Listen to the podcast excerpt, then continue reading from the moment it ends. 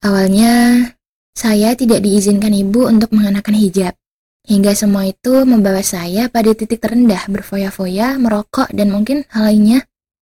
Saya tidak peduli. Toh semua pilihan saya tidak pernah dihargai oleh ibu. Saat itu, berawal dari polosnya seorang gadis dengan keinginan kecil untuk berhijab ketika lulus SD. Namun, bak tokoh antagonis, ibunya justru menolak keras permintaan itu dan hanya mengizinkan berhijab saat anak itu sudah beranjak dewasa. anak lugu itu pun menurut saja. Semua perintah yang keluar dari mulut ibu selalu ia patuhi. Tak pernah sedikit pun ia bantah dan ingkari. Sampai momen itu pun tiba. Kelulusan SMK. Ibu akhirnya mengizinkan berhijab. Tapi lagi-lagi tidak disangka bahwa pilihannya kali ini juga ditolak mentah-mentah dan berujung pada perintah. Ia dilarang memakai hijab syar'i. Momen tersebut membuat gadis bermata coklat itu marah. Bukan marah secara langsung pada ibunya.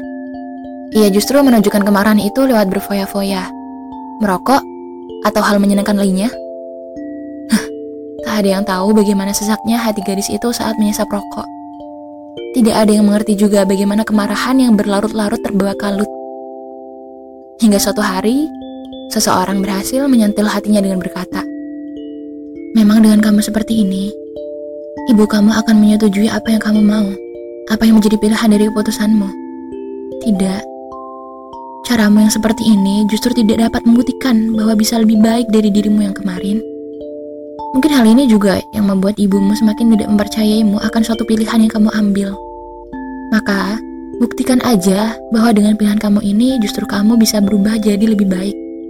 Insya Allah, perlahan beliau akan yakin dan mempercayai kamu. Tak disangka, kalimat singkat itu berhasil menggiring hati sang gadis untuk kembali pada ketaatan. Dan seperti yang kita tahu, Allah tak pernah pilih kasih. Ia menerima taubat setiap hambanya. Siapa sangka pula, perubahan secara perlahan yang terjadi pada gadis itu justru membawa sang ibu pada kata luluh. Akhirnya, gadis itu diridhoi untuk mengenakan hijab syar'i. Alhamdulillah. Kuasa Allah memang tak semestinya kita ragukan. Dia akan selalu mendengarkan.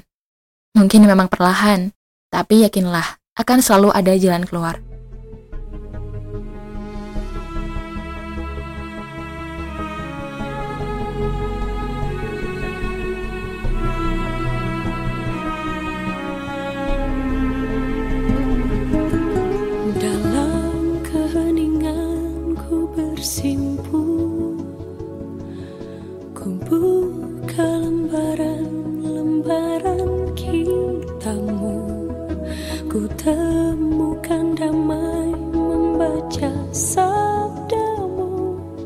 Tuhanku memohon Tuhanku memohon Pancarkan cahaya di hidupku Tuhan. Ku percaya Engkau pasti telah